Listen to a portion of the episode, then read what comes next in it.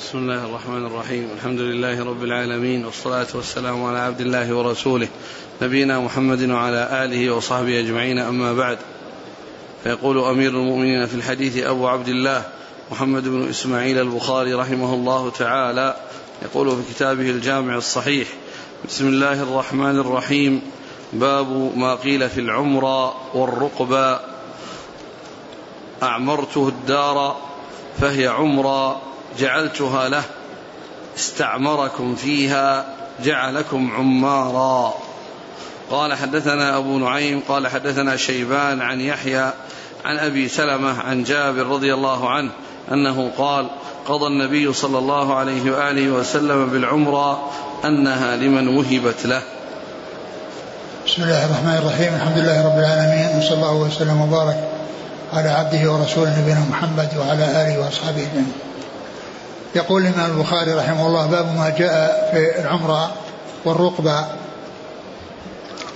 هذه الترجمة هي تتعلق بالهبة من جهة أن أن أن فيها يعني أنها نوع من أنواع الهبة وهي أن يجعل لإنسان سكنى دار بأن يعني يستعملها في في في في مدة عمره وقد يجعلها أيضا مع مع لعقبه من بعده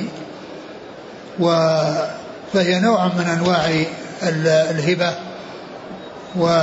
وهي هبة المنافع لأن الرقبة هي هي هي هي هدة المنافع بأن يجعلها له يعني مدة عمره عمره وإن أضافها إلى إلى عقبه بعده فإنها تستمر كذلك.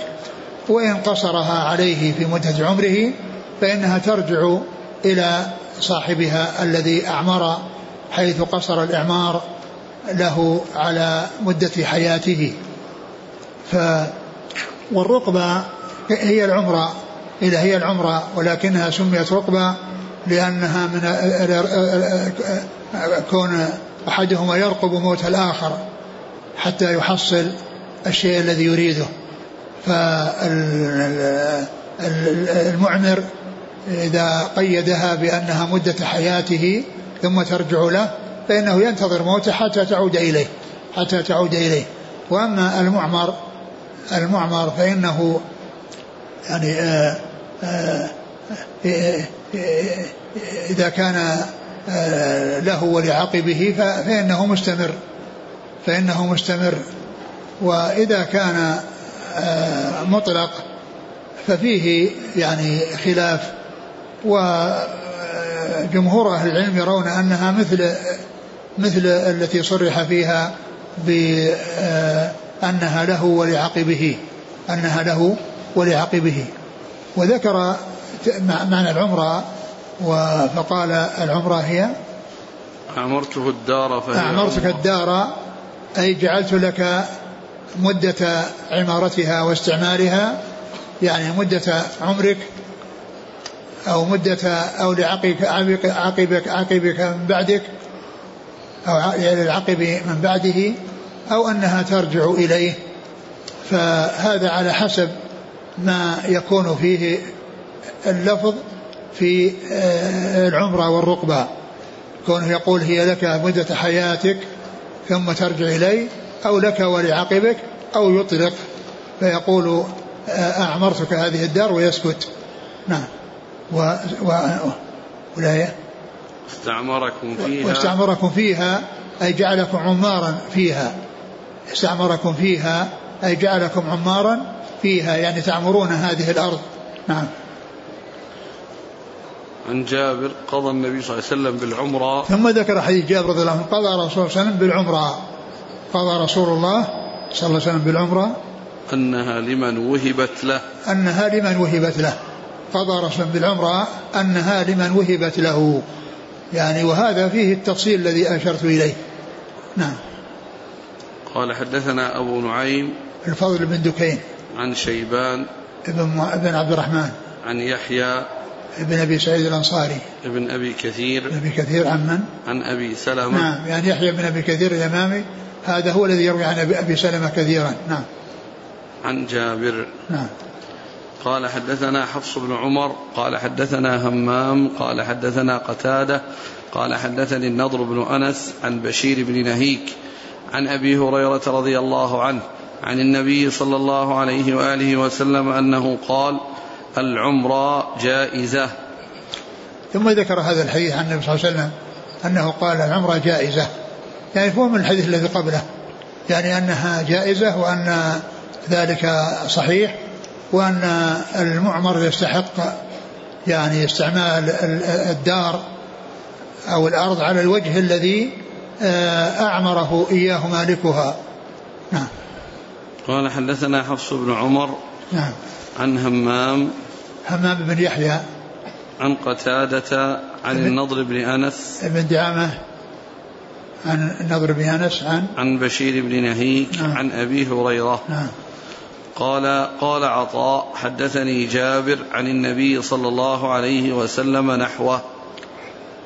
آه، عطاء بن أبي رباح. نعم.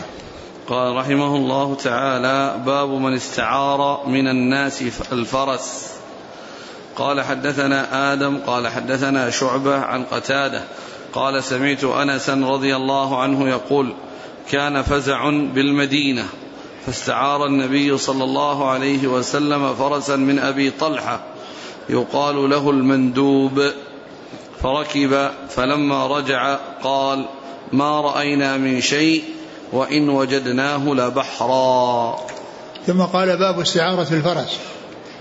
يعني ذكر الاستعارة وقيدها بالفرس وقال لأنه لم يصح على شرطه شيء في باب الاستعارة وإنما الذي صح عنده هذا الحديث الذي فيه أن النبي صلى الله عليه وسلم كان في المدينة وكان هناك فزع يعني من عدو. فسمعوا يعني ب سمعوا بالنداء إلى يعني بالحصول أو يعني الذهاب إلى هذا العدو لصده ولرده عن المدينة فالرسول صلى الله عليه وسلم استعار فرسا استعار فرسا وذهب يعني مع الذين ذهبوا ثم إنهم لم يجدوا يعني احدا ولا ورجعوا. ثم إن الرسول عليه الصلاة والسلام قال ما وجدنا من شيء وإن وجدناه لبحرا.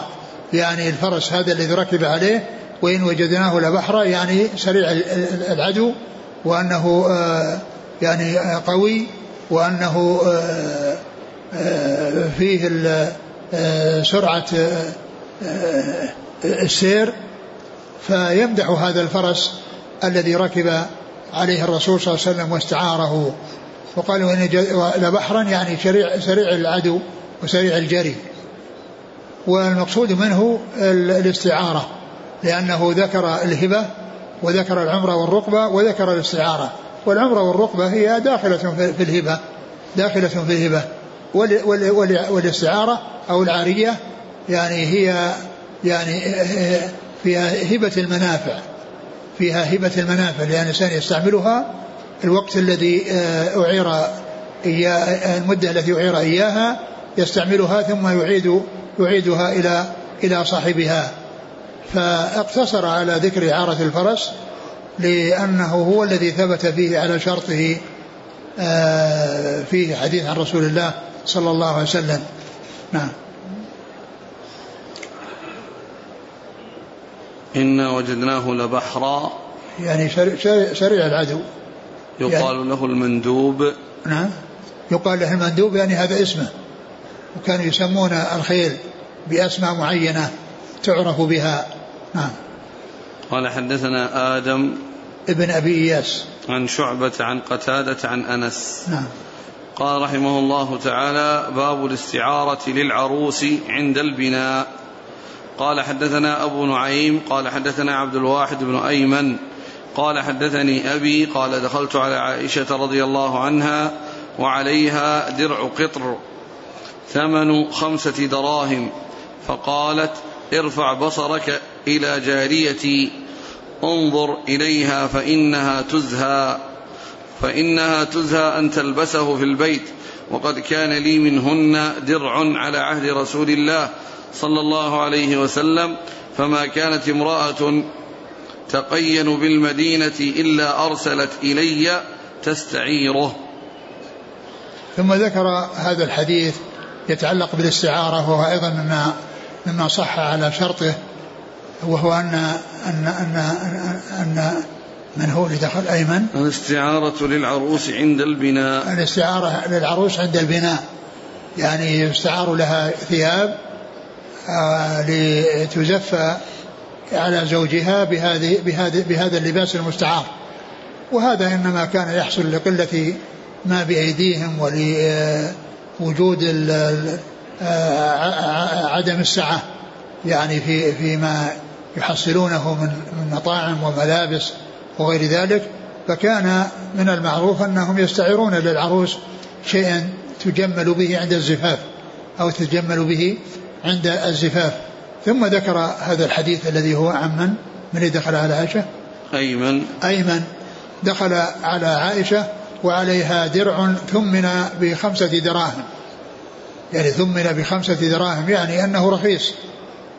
و وقالت له إن جاريتي هذه آه هذه تو تو ارفع بصرك إلى جاريتي انظر إليها فإنها تزهى أن تلبسه فإنها تزهى أن تلبسه. يعني في ذلك في الزمان المتأخر الذي قالت فيه عائشة هذا الكلام أنها تستأنف وتستكبر أن تلبس مثل هذا اللباس لأنه لأنه رخيص ولأنه زهيد. ليس من الأشياء الغالية. ثم ذكرت أن هذا اللباس ومثله كان لها يعني آه كان لها يعني آه آه مثله يعني لباس كان عند قال وكان عند إحداهن؟ قالت هي ف... وقد كان لي منهن درع على عهد وقد كان لي منهن درع على عهد رسول الله صلى الله عليه وسلم. يعني من هذه الألبسة أو من هذا النوع من اللباس أو من بين النساء أن لها درع يعني يستعار آه، عند الزفاف وعند العرس وهو من جنس هذا الذي تأنف هذه الجارية من أن تلبسه في الوقت الحاضر مجرد لبس في البيت. مجرد لبس في البيت يعني أنه ليس بفاخر وليس ب آه، يعني متميز وليس بثمين وليس ب يعني فيه آه، حسن وجمال وإنما كان فيه تواضع وفيه سهولة ويسر وعدم تكلف وتكلف أشياء باهظة الأثمان لأن عندهم القناعة وعندهم اليسر والسهولة.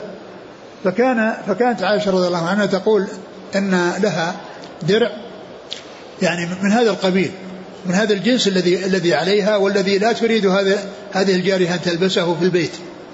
كان كان يستعار للعروس.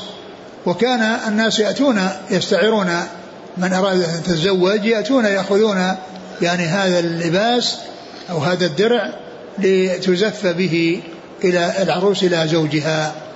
فهذا يدل على ما كانوا عليه من من من القلة ومن عدم السعة ومن التواضع وعدم ال رفع النفوس والمغالاة وما إلى ذلك بل كانوا يعني يقتنعون بهذا الشيء اليسير الذي قدره الله لهم والذي أعطاهم الله تعالى إياه. والحاصل منه أن, أن, أن هذا الدرع مثل هذا الدرع الذي كانت الجارية لا, تست... لا, لا يعجبها أن تلبسه لأنه ليس من الأشياء الفاخرة كان يتخذ للعروس في زمن الرسول صلى الله عليه وسلم. كان يستعار للعروس في زمن النبي صلى الله عليه وسلم. أقرأ الحديث. دخلت على عائشة. وعليها درع قطر. قطر يعني هذا يعني نوع من يعني قيل إنه من ال ال ال الشيء الغليظ. يعني وقيل إنه من من القطن خاصة. وفي بعض النسخ أنه درع قطن أي إنه من القطن. نعم. ثمن خمسة دراهم. ثمن خمسة دراهم أو ثمن بخمسة دراهم. يعني أنه رخيص. يعني ليس ببالغ في الثمن. فقالت ارفع بصرك إلى جاريتي انظر إليها فإنها تزهى أن تلبسه في البيت. يعني هذه الجارية التي عندها قالت إنها آه، تزهى يعني آه، يشق عليها أو تستكبر أن تلبسه في البيت. ما هو بالعرس. يعني ذاك في وقت يستعملونه في العرس وهذه ما تريد أن تلبسه حتى في البيت. وقد كان لي منهن درع على عهد رسول الله. منهن إما من الدروع من هذا الجنس من, من الدروع درع على عهد الرسول صلى الله عليه وسلم أو من بين النساء. يعني كان لها شيء وكان مشهور وأن من أرادت أن تتزوج تأتي أو يأتون إليها لاستعارته ثم إرجاعه. نعم. فما كانت امرأة تقين بالمدينة؟ تقين يعني تجمل وتهيأ للزواج إلا يعني جاءوا واستعاروا هذا هذا الدرع. نعم. التي تأنف الجارية أن تلبسه في البيت.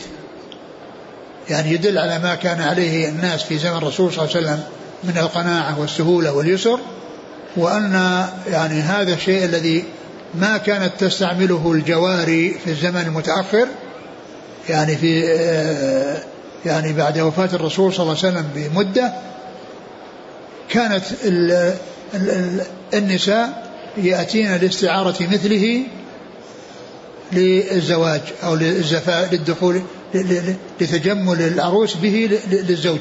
نعم. قال حدثنا أبو نعيم عن عبد الواحد بن أيمن. أبو نعيم الفضل بن دكين. عن عبد الواحد بن أيمن عن نعم. أبيه عن نعم. عائشة. نعم. يقول هل يجوز أن آخذ على الإعارة أجر مبلغ؟ يعني إذا أعار فهو أحسن. وإن أخر أخذ عليه أجرا أو أنها يعني أجره يعني ما ما في بس لكن كون الإنسان يعير ويحسن ولا يأخذ مقابل لا بأس بذلك. وأما يعني إن استأجره ليستعمله مدة لا بأس بذلك. قال رحمه الله تعالى باب فضل المنيحة. قال حدثنا يحيى بن بكير قال حدثنا مالك عن أبي الزناد عن الأعرج عن أبي هريرة رضي الله عنه أن رسول الله صلى الله عليه وآله وسلم قال نعم المنيحة اللقحة الصفي منحة والشاة الصفي تغدو بإناء وتروح بإناء. أعد الحديث. نعم. نعم المنيحة اللقحة الصفي منحة والشاة الصفي تغدو بإناء وتروح بإناء. ثم ذكر باب فضل المنيحة والمنيحة هي يعني آه يعني هو هي ما يمنح. و وفي الغالب استعمالها في منائح ال ال ال ال الإبل والغنم وأن الذي عنده إبل وغنم وتكون يعني حديثة العهد بالولادة وفيها لبن فإن صاحبها يعطيها لأناس يستفيدون منها من من من من من, من حليبها ثم يرجعونها إذا انتهى استعمال الحليب. هذه منيحة.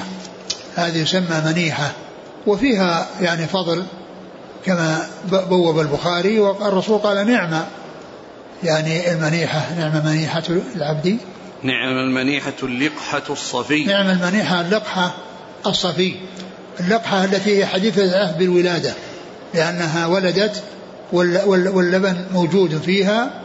والصفي هي التي هي كثيرة الحليب التي هي يعني متميزة. ولهذا قال تروح بإناء وتغدو بإناء. يعني أنها تحلب في الصباح والمساء. تحلب قبل أن تذهب للسرح. وكذلك عندما تروح يحلبونها. يحلبونها في أول النهار وفي أول الليل صباحا ومساء. يعني في الصباح إناء وفي المساء إناء فيعني فالصفي هي التي هذا شأنها. يعني معناه أنها كثيرة الحليب كثيرة اللبن. نعم. نعم المنيحة اللقحة الصفي منحة والشاه والشاة الصفي تغدو بإناء وتروح بإناء. يعني هذا بيان تفسير آه، الصفي وأن الشاة التي تكون صفيا يعني يعني مختارة ومصطفاة ومتميزة على غيرها هي التي تروح بإناء يعني يحلب منها إناء يعني قبل أن قبل أن تذهب للسرح في الغداة وكذلك عند الرواح. نعم. قال حدثنا يحيى بن بكير نعم. عن مالك عن أبي الزناد عن الأعرج. أبي الزناد هو عبد الله بن ذكوان والأعرج هو عبد الرحمن بن هرمز. عن عن أبي هريرة. نعم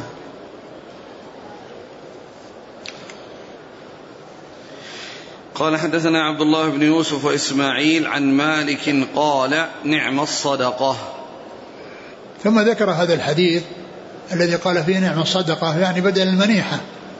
يعني مثل هو نفس الحديث إلا أن في عبر فيه بالصدقة وفيه يعني يعني دليل على أن المنيحة أيضا يقال لها صدقة. يعني لأنها تصدق بلبنها تصدق بلبنها والاستفادة منه فيعني ذكر يعني في بعض الألفاظ نعم المنيحة وفي بعض الروايات نعم الصدقة.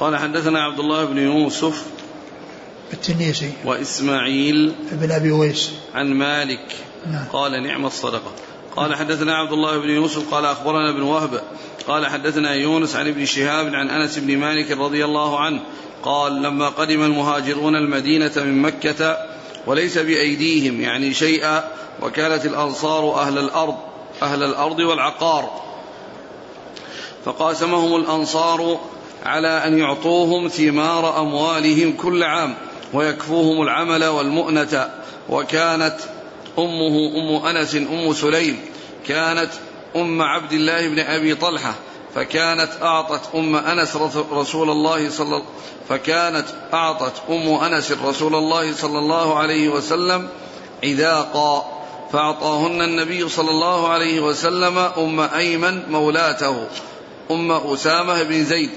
قال ابن شهاب فأخبرني أنس بن مالك أن النبي صلى الله عليه وسلم لما فرغ من قتل أهل خيبر فانصرف إلى المدينة رد المهاجرون إلى الأنصار منائحهم التي كانوا منحوهم من ثمارهم. فرد النبي صلى الله عليه وآله وسلم إلى أمه عذاقها وأعطى رسول الله صلى الله عليه وآله وسلم أم أيمن مكانهن من حائطه. وقال أحمد بن شبيب أخبرنا أبي عن يونس بهذا وقال مكانهن من خالصه. ثم ذكر هذه الترجمة وهي باب باب. لا زال الباب الأول فضل المنيح. لا زال في الباب؟ فضل المنيح. نعم ذكر يعني يتعلق بالمنح وهو منح الثمر. والمهاجرون رضي الله عنهم لما قدموا المدينة وليس بأيديهم شيء آه كان الأنصار عرضوا عليهم أن يقاسموهم أموالهم. يعني بأن يقسم الواحد بينه وبين أخيه الذي أوفي بينه وبينه حائطا فيجعل نصفه له ونصفه لأخيه الذي يعني الذي قدم مهاجرا. فامتنع امتنع المهاجرون من ذلك وفيهم من آه، بحث عن السوق كعبد الرحمن بن عوف والرسول عليه الصلاة والسلام يعني أقرهم يعني لما لم يحصل لم يحصل المقاسمة والقسمة بينهم فيما يتعلق بالرؤوس رؤوس النقل وبالرقبة. ف يعني عرضوا عليهم أن أن يكفوهم يعني العمل ويكون لهم جزء من الثمرة ونصيب من الثمرة التي هي التي هي المغارة التي هي المساقات التي هي المساقات بحيث يعني يدفع صاحب النخل نخله لشخص ليسقيه ويكون له جزء من الثمرة معلوم النسبة. جزء من الثمرة معلوم النسبة. فهم وافقوا على ذلك. وافقوا على ذلك. ولما يعني ذهب رسول الله إلى خيبر لقتال أهلها وفتحها ثم حصول الغنائم وحصول الفيء الذي آفاء الله به يعني يعني بعد ذلك ردوا المهاجرين تركوا استعمال الأراضي أو نخل المهاجرين على جزء معين الذي حصل منهم في البداية لأنه لما حصلت الغنائم وحصل يعني هذا ردوا وتركوا يعني تركوا هذا الذي اتفقوا مع مع الأنصار عليه. ف وكان وكانت أم أنس أعطت رسول الله صلى الله عليه وسلم يعني عذاقا يعني عددا من النخل عددا من النخل فأعطاه الرسول صلى الله عليه وسلم لأم لأم أيمن. ولما رجعوا يعني رد الرسول صلى الله عليه وسلم العذاق على يعني أم أنس وأعطى أم أيمن بدلا منها من حائطه عليه الصلاة والسلام. نعم. والمقصود من ذلك التعبير بالمنيحة أو المنح لأنه لم يخصه بالمنيحة التي هي كما هي مشهورة في منح الدواب من الإبل والغنم لحلبها والاستفادة من لبنها ثم إرجاعها بعد ذلك إلى الذي منحها. نعم. ولا يعد من الرجوع. نعم؟ إيش؟ لا يعد من الرجوع. من الرجوع؟ في الهبة. يعني هذا ما, ما, ما يعني أولئك هم الذين أرجعوها المهاجرين. المهاجرين هم الذين تركوا. هم الذين تركوا وأولئك لأن هذا عقد على على يعني مساقات مثل مضاربة. عقد على مساقات مثل المضاربة وكل واحد بالخيار لأن عقد المساقات يعني هذا له أن يختار إنهاء العقد وهذا له أن يختار إنهاء العقد. قال حدثنا عبد الله بن يوسف عن ابن وهب. عبد الله بن وهب. عن يونس عن ابن شهاب. يونس بن يزيد الأيلي. عن أنس. ها. قال وكانت أمه أم أنس أم سليم كانت أم عبد الله بن أبي طلحة. يعني هذا كله يعني تعريف بأم, بأم أنس. وأنها يعني أمه أم سليم وهي أم عبد الله بن أبي طلحة أخو أنس لأمه أخوه لأمه لأنه آه، أمه أم سليم أم أنس وأبوه أبو طلحة زوج أم سليم. فهذا يعني آه، تعريف لأن أم أمه أي أم أنس هي أم سليم وهي أم عبد الله بن أبي طلحة أخوه لأمه. وكانت أعطت الرسول صلى الله عليه وسلم عذاقا. أعطته عذاقا يعني عذاقا عدد من النخل عدد من النخل يعني جمع عذق والعذق هو النخلة والعذق هو النخلة. نعم. فأعطاهن أم أيمن مولاته. نعم.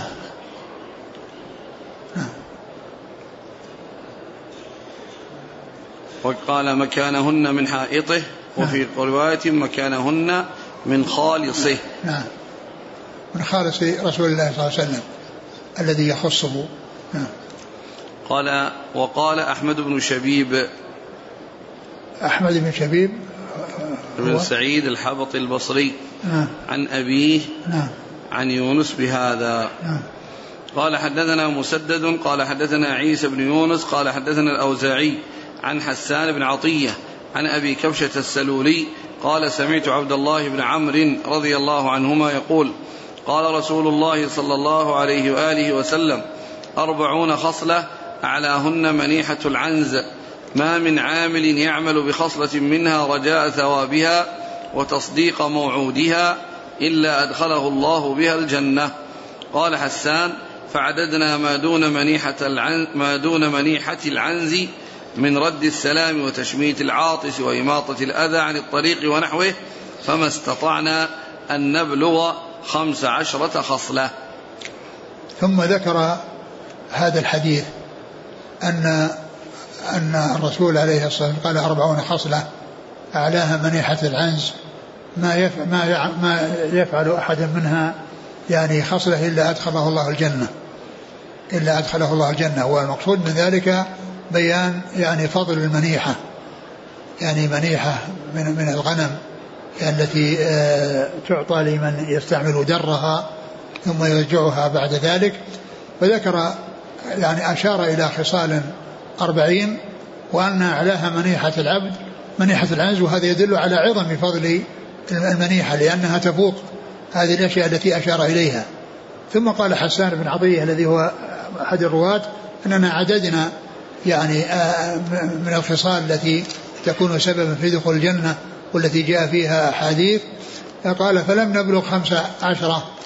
والحافظ بن حجر ذكر أن أن يعني عددا كبيرا من الخصال التي تدخل تحت هذا الباب والذي والتي ورد فيها ترغيب من رسول الله صلى الله عليه وسلم وأنها تكون من أسباب دخول الجنة. الحاصل أن هذا الحديث أورد من أجل ذكر المنيحة لأنه في باب فضل المنيحة. نعم. قال حدثنا مسدد عن عيسى بن يونس نعم. عن الأوزاعي نعم. عن حسان بن عطية عن أبي كبشة السلولي عن عبد الله بن عمرو. نعم. قال حدثنا محمد بن يوسف قال حدثنا الأوزاعي قال حدثني عطاء عن جابر رضي الله عنه قال كانت لرجال منا فضول أراضين فقالوا نؤاجرها بالثلث والربع والنصف.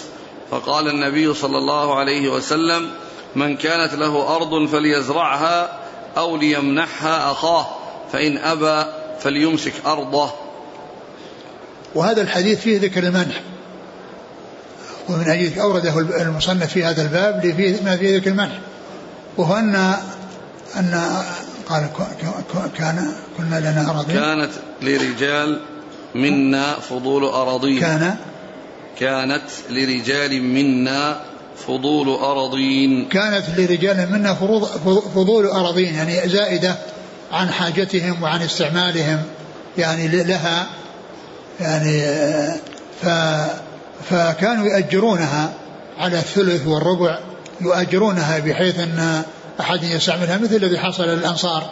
يعني في أول ما قدموا أنهم كانوا آه، الحديث الأول الذي آه، كان أنهم آه، يكونهم المؤونة ويشاركونهم في الثمرة ويشاركونهم في الثمرة. فكان هذا من هذا القبيل. كان رجال منهم له لهم فضول يعني أراضين وكانوا يؤاجرونها على الثلث والربع وغير ذلك.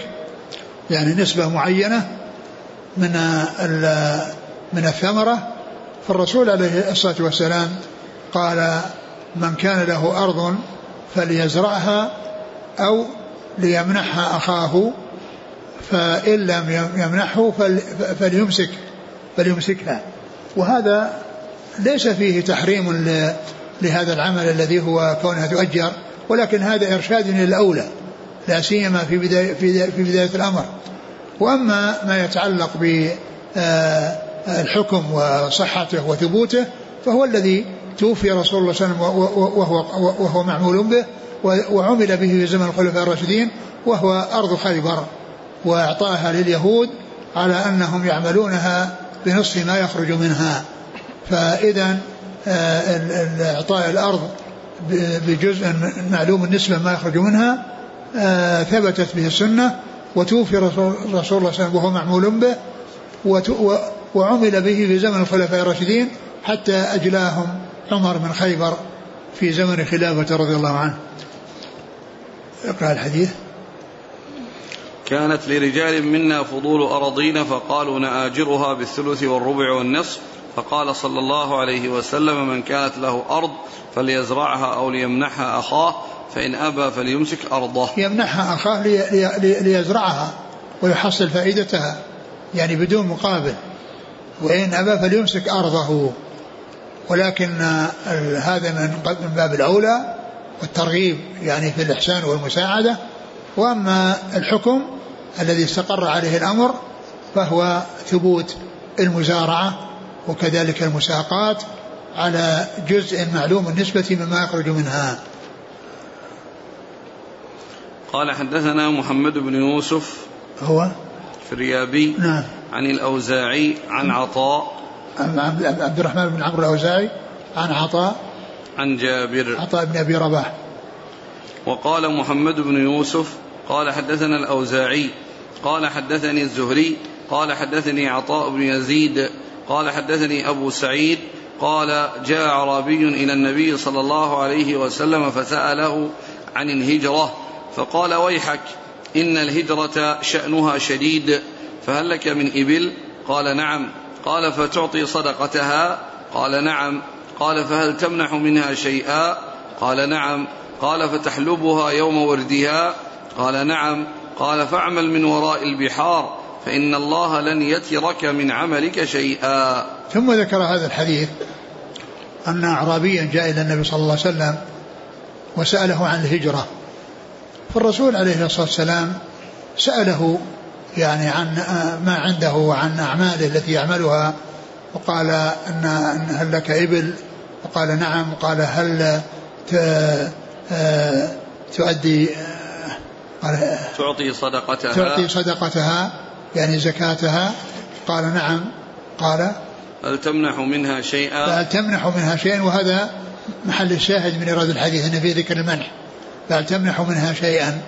يعني يكون يعني منح تعطي شيئا منها لأحد ويدخل في ذلك المنيحة وحلبها عند وردها وإعطائها أو حليبها للناس.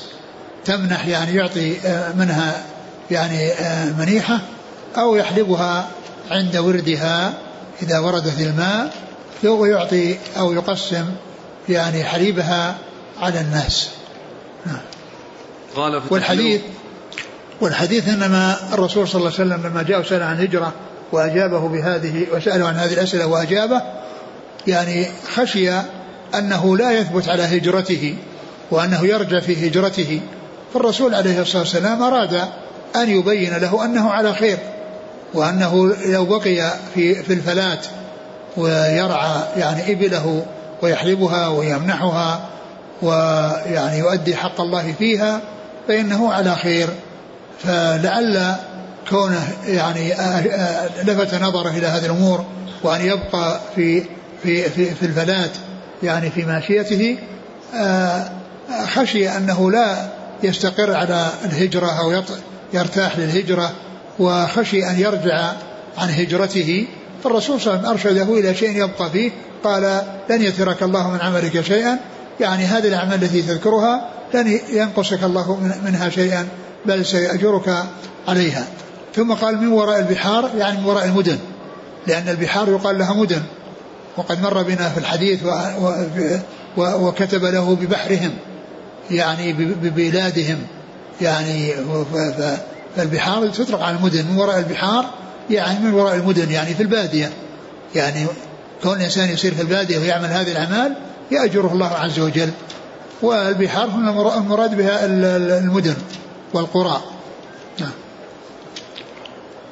قال وقال محمد بن يوسف عن الأوزاعي عن الزهري عن عطاء بن يزيد عن أبي سعيد. نعم.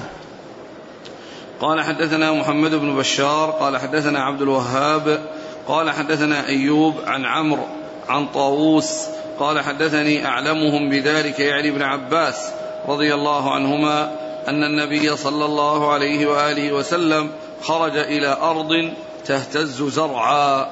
فقال لمن هذه؟ فقالوا اكتراها فلان.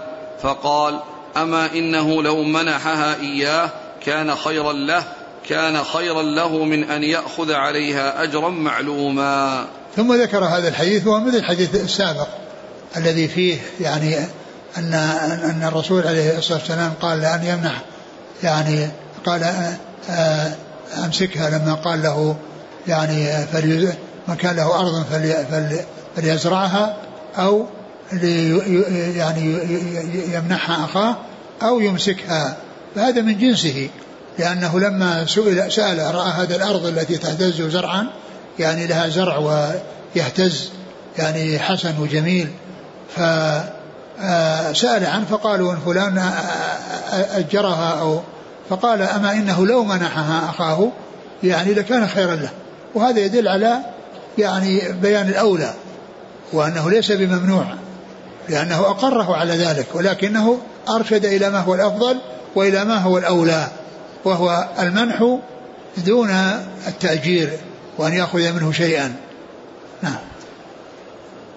قال حدثنا محمد بن بشار نعم.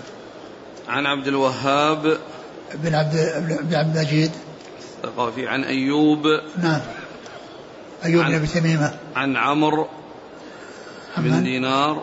نعم. عن طاووس. طاووس بن كيسان. عن ابن عباس. نعم. قال حدثني أعلمهم بذاك. يعني آه يعني هذا ثناء على ابن عباس و, و آه وأنه من أعلم الصحابة وأفقه الصحابة وأكثرهم حديثا. وكان أعطي يعني فهما في القرآن. نعم. قال رحمه الله تعالى باب إذا قال أخدمتك هذه الجارية على ما يتعارف الناس فهو جائز. وقال بعض الناس هذه عارية وإن قال كسوتك هذا الثوب فهو هبة.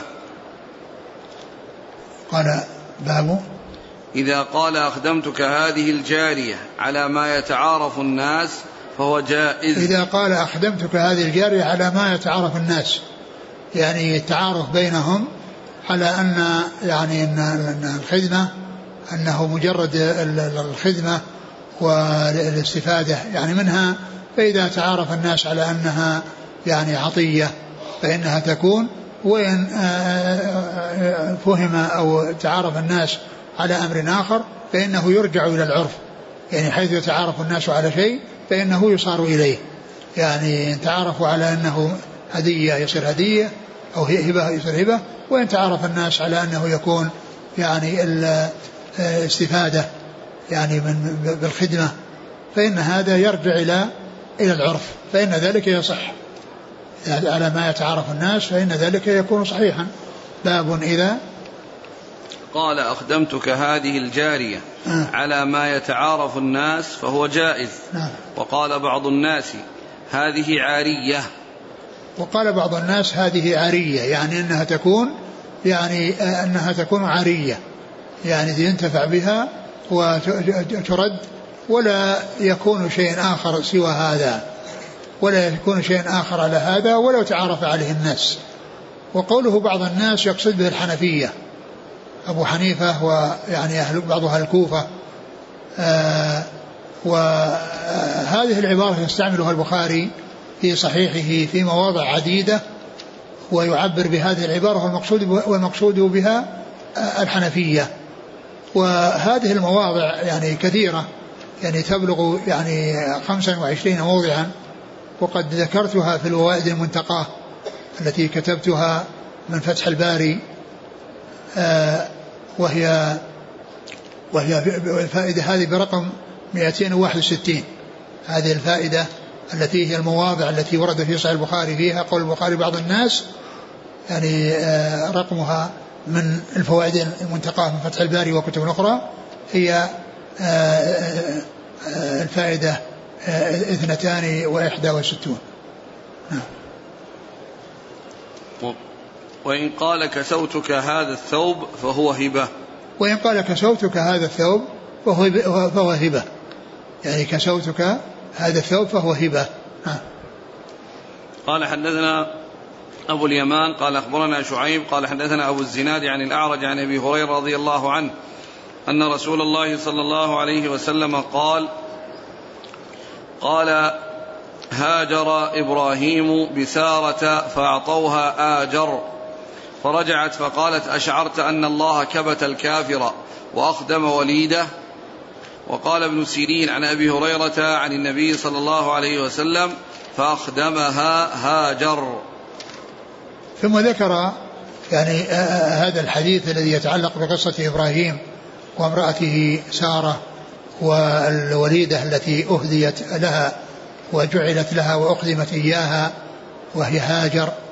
آه ذكر فيه ذكر الإقدام لأنه لما طلب الجبار الملك الجبار الذي كان مر بأرضه وأرادها فالله كبت الكافر ومنعه منها ولم يمسها بسوء ثم إنه تركها وأخدمها هاجر أم إسماعيل. أخدمها هاجر أم إسماعيل فأوردها من أجل الإقدام. وأن هذا يعني يكون من قبيل الهبة وأنه من قبيل الهبة. نعم. قال حدثنا أبو اليمان آه الحكم بن نافع. عن شعيب بن أبي حمزة. عن أبي الزناد عن الأعرج عن أبي هريرة. نعم. قال رحمه الله تعالى باب إذا حمل رجل على فرس فهي كالعمرة والصدقة. وقال بعض الناس له أن يرجع فيها. قال حدثنا الحميدي قال أخبرنا سفيان قال سمعت مالكا يسأل زيد بن أسلم قال سمعت أبي يقول قال عمر رضي الله عنه حملت على فرس في سبيل الله فرأيته يباع فسألت رسول الله صلى الله عليه وسلم فقال لا تشتري ولا تعد في صدقتك. باب. إذا حمل رجل على فرس فهو كالعمرة والصدقة. إذا حمل رجل على فرس فهو كالعمرة والصدقة. يعني العمرة الذي التي هي هبة. أو هبة يعني التي هبة. أو أو الصدقة وذكر حديث عمر الذي سبق أن مر. وأن الرسول عليه الصلاة والسلام يعني قال يعني أنه لا يشتريه. لأنه آه، خرج منه يعني آه، في سبيل الله. وصدق في سبيل الله فأرشده إلى أن يشتريها ولو كان بدرهم كما مر في الحديث السابق. وذلك لأن الذي وهب أو الذي صدق عليه إذا طلبها منه الذي منحه إياها فإنه يستحي منه وقد يبيعها له برخص. فالرسول صلى الله عليه وسلم أراد سد هذا الباب وألا يحصل إقدام على مثل ذلك حتى لا يحصل آه، حتى لا يحصل آه، آه، يعني مثل هذا الذي يترتب أو ينتج عن الحياة في أنه يبيعه أو يرجعها إلى الذي منحها ويبيعها عليه برخص حياء منه. نعم قال حدثنا الحميدي عبد الله بن الزبير المكي عن سفيان بن عيينة عن مالك نعم. عن زيد بن أسلم عن أبيه عن عمر. نعم. إذا هو يرى البخاري أن العمرة لا ترجع سواء قال لك ولمن ولعقبك أو أطلقها. نعم. يعني كان يبدو والله أعلم أنه يرى هذا وهذا. يعني في إذا قال لك ولعقبك هذا واضح. وإن أعمرها وإن قال أعمرها وأطلق فإنها تكون مثلها. وهذا قال به الجمهور من أهل العلم. وقال بعض الناس له أن يرجع فيها. يعني هذا الحنفية. بعض الناس الحنفية هذا من المواضع. موضعان متقاربان من الخمسة والعشرين موضعا التي أشرت إليها.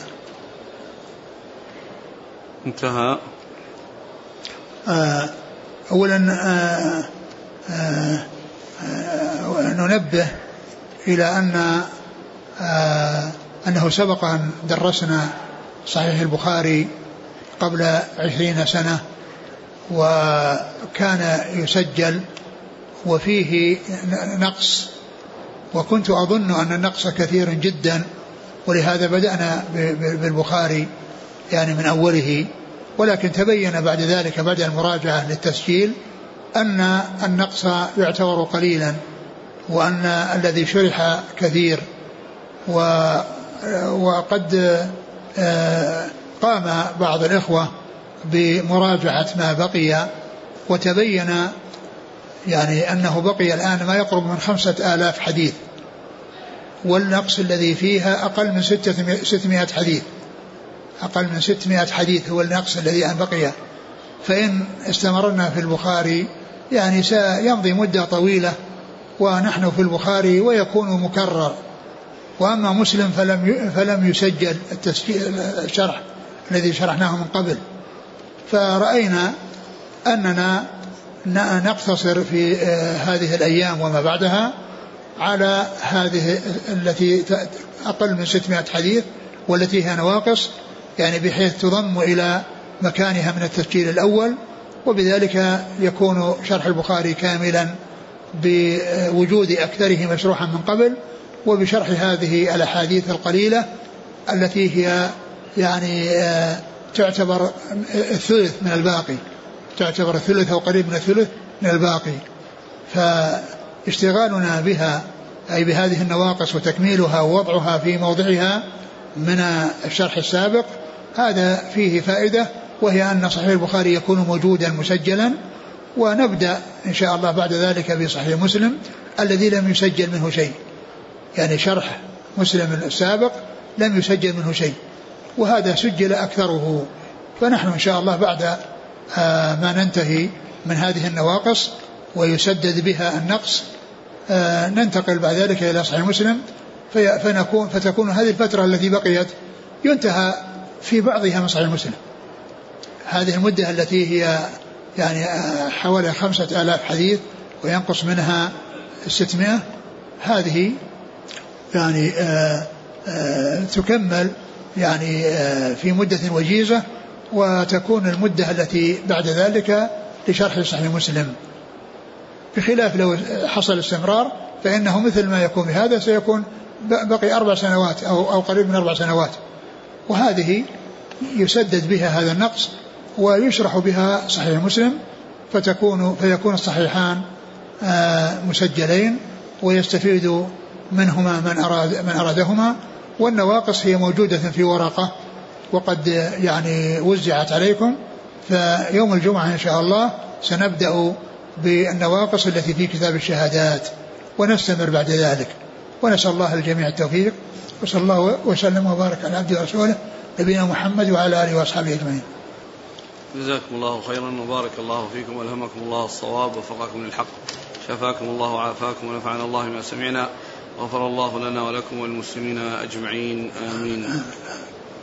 يقول في سنن أبي داود والنسائي قال صلى الله عليه وسلم لا, ترقب لا ترقبوا ولا تعمروا فمن أرقب شيئا أو أرقب شيئا فهو لورثته. أليس فيه النهي عن العمرة والرقبة؟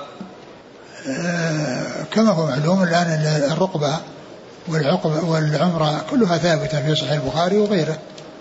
ف يعني كونه جاء النهي يعني عن هذا لا يعني أن أن ما ثبت في فيها يعني وفي ثبوتها أنه يترك من أجل أنه جاء.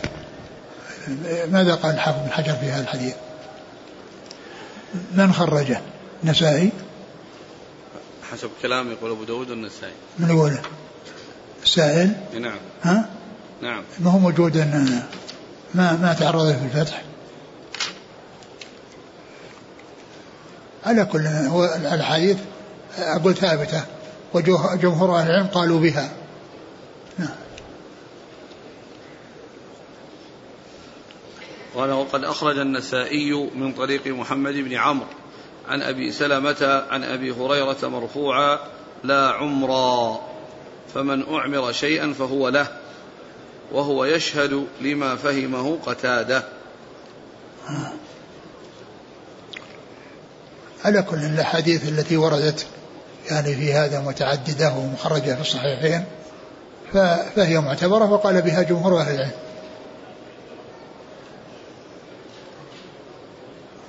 وهي من نوع الهبة.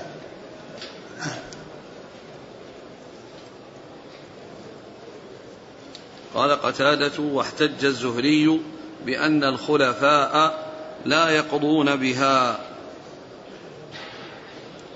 فقال عطاء قضى بها عبد الملك بن مروان. على كل الأحاديث ثبتت فيها.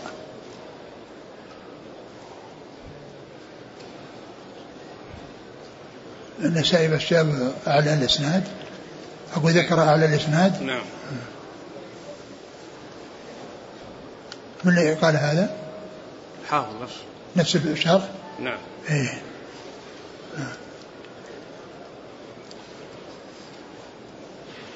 في بعض الروايات قال والمنيحة صدقة كما جاء في رواية مالك. ها؟ المنيحة صدقة. نعم. يقول كيف قبلها النبي صلى الله عليه وسلم المنيحة؟ ال ال هو أعطى اللي هو اللي نخلات يعني ومعنى ذلك أنه ليس صدقة. الرسول صلى الله عليه وسلم ما يأخذ الصدقة لكن يقبل يقبل الهبة والهدية. هل المنيحة في الأنعام فقط من أجل لبنها؟ لو أن إنسان يقول منح الجمل من أجل ضرابها ضراب الإبل هل يعد منيحة؟ وآخر يقول إذا أعطيت شخصا كتابا. يعني هذا ما يقال منيحة يعتبر هذا يعني إحسان يعني في في شيء لا تجوز المعاوضة عليه كما جاء في الحديث نهى رسول الله عن عسب الفحل. نهى رسول الله صلى الله عليه وسلم عن عسب الفحل. لأن هذه من الأمور التي يعني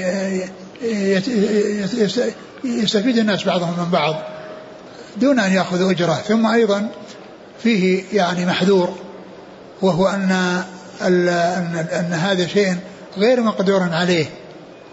لأن الجمل يعني قد يعني ينشط وقد يكسل وقد يخرج منهما وقد لا يخرج.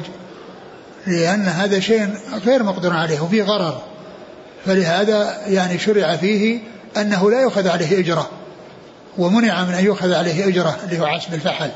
وإنما يكون الناس يعني يحسن بعضهم على بعض فيه. يقول كذلك إذا أعطيت أحد الإخوة كتابا ليقرأ فيه. هذه عارية.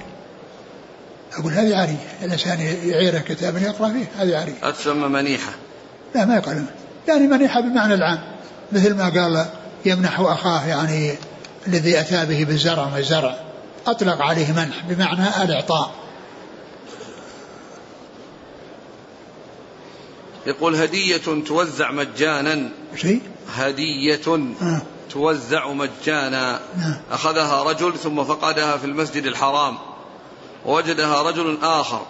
هل تحل له لأنها بالمجان؟ الشيء الذي مفقود وله قيمة في الحرمين يعني لا يملكه الإنسان الذي يجده وإنما يعرفه دائما ويعني و ويمكن آه، إعطائه للجهة المسؤولة في الحرمين التي تحفظ الأشياء الضائعة وإذا جاءوا ناس يسألون عنها يعني وجدوها وهذا من خصائص الحرمين. يعني كونها آه، آه، لا يعرفها سنة كغيرها وإنما تعرف دائما لأن الذي يفقد في الحرمين قد يفقده في سنة ثم يحج بعد خمس سنوات. لأن الناس يترددون على الحرمين. ف يعني قد يفقد يحج بعد سنوات ست سنوات أو عشر سنوات ثم يأتي ويسأل عنه فيجده. نعم. يقول طلب مني أحد الإخوة أن يقرأ علي ما يحفظ من القرآن والحديث ساعة في اليوم ستين دقيقة مقابل مبلغ من المال. فهل يجوز ذلك؟ لا ينبغي أن تعاقده وأن تتفق معه على هذا ولكن أنت إذا كنت محتاجا وأعطاك شيء جعل لا بأس بذلك. لأن الجعل لا بأس به. وأما المهاجرة هي التي فيها خلاف. وأما الجعل فإنه جائز وسائق. لكن الإنسان لا يعني في الأمور يعني هذا يعني يبيع فيها ويشتري أو يعني يشترط فيها أشياء. مثل ما جاء عن الإمام أحمد أنه قال سئل عن رجل يقول صلي بكم رمضان بكذا وكذا درهما. فقال أسأل الله العافية ومن يصلي خلف هذا؟ هل يجوز شراء الوقف إذا كان بيعه من قبل الحكومة أو الدولة؟ نعم الوقف إذا تعطلت منافعه وإنه يجوز بيعه وإذا عرض للبيع سواء من من الدولة أو من من الواقف نفسه فإنه يشتريه يعني يشتريه لأنها قيمته تحول إلى مكان آخر لأنه بقاءه ليس في فائدة للوقف يقول وحينئذ هل يبقى للواقف أجر صدقة جار صدقة جارية؟ لا شك لأنه إذا إذا إذا يعني بيع وأبدل بمكان آخر فهو هو هو له للواقف. يقول توفي أبي قبل أن يحج أو يعتمر فهل يجوز لي أن أحج أو أعتمر عنه؟ نعم يجوز إذا حججت عن نفسك واعتمرت. امرأة اعتمرت وبعد عشرة أيام تذكرت أنها لم تقصر شعرها وقد حصل جماع بينها وبين زوجها فماذا يجب عليها؟ أبد عليها عليها فدية ترك التقصير. يقول لو أن الذي أهدى شيئا ثم أراد اشتراءه فكلف شخصا آخر بشرائه. لو أن؟ لو أن الذي أهدى شيئا أراد بعد ذلك أن يشتري هذا هذه الهدية. نعم. فكلف شخصا آخر بشرائه. دون معرفة المهدى إليه فهل يجوز الشراء؟ آه الشيء الذي جاء فيه نهي عن الرسول صلى الله عليه وسلم لا شك أن الأولى آه الأولى يعني تركه. لكن إذا كان آه شيء يعني آه ما فيه المحذور الذي هو الحياء الذي هو الحياء وإنما يعني آه اشتراه آخر. ولكن إن اشتراه آخر نفسه واشتراه منه هذا أوضح.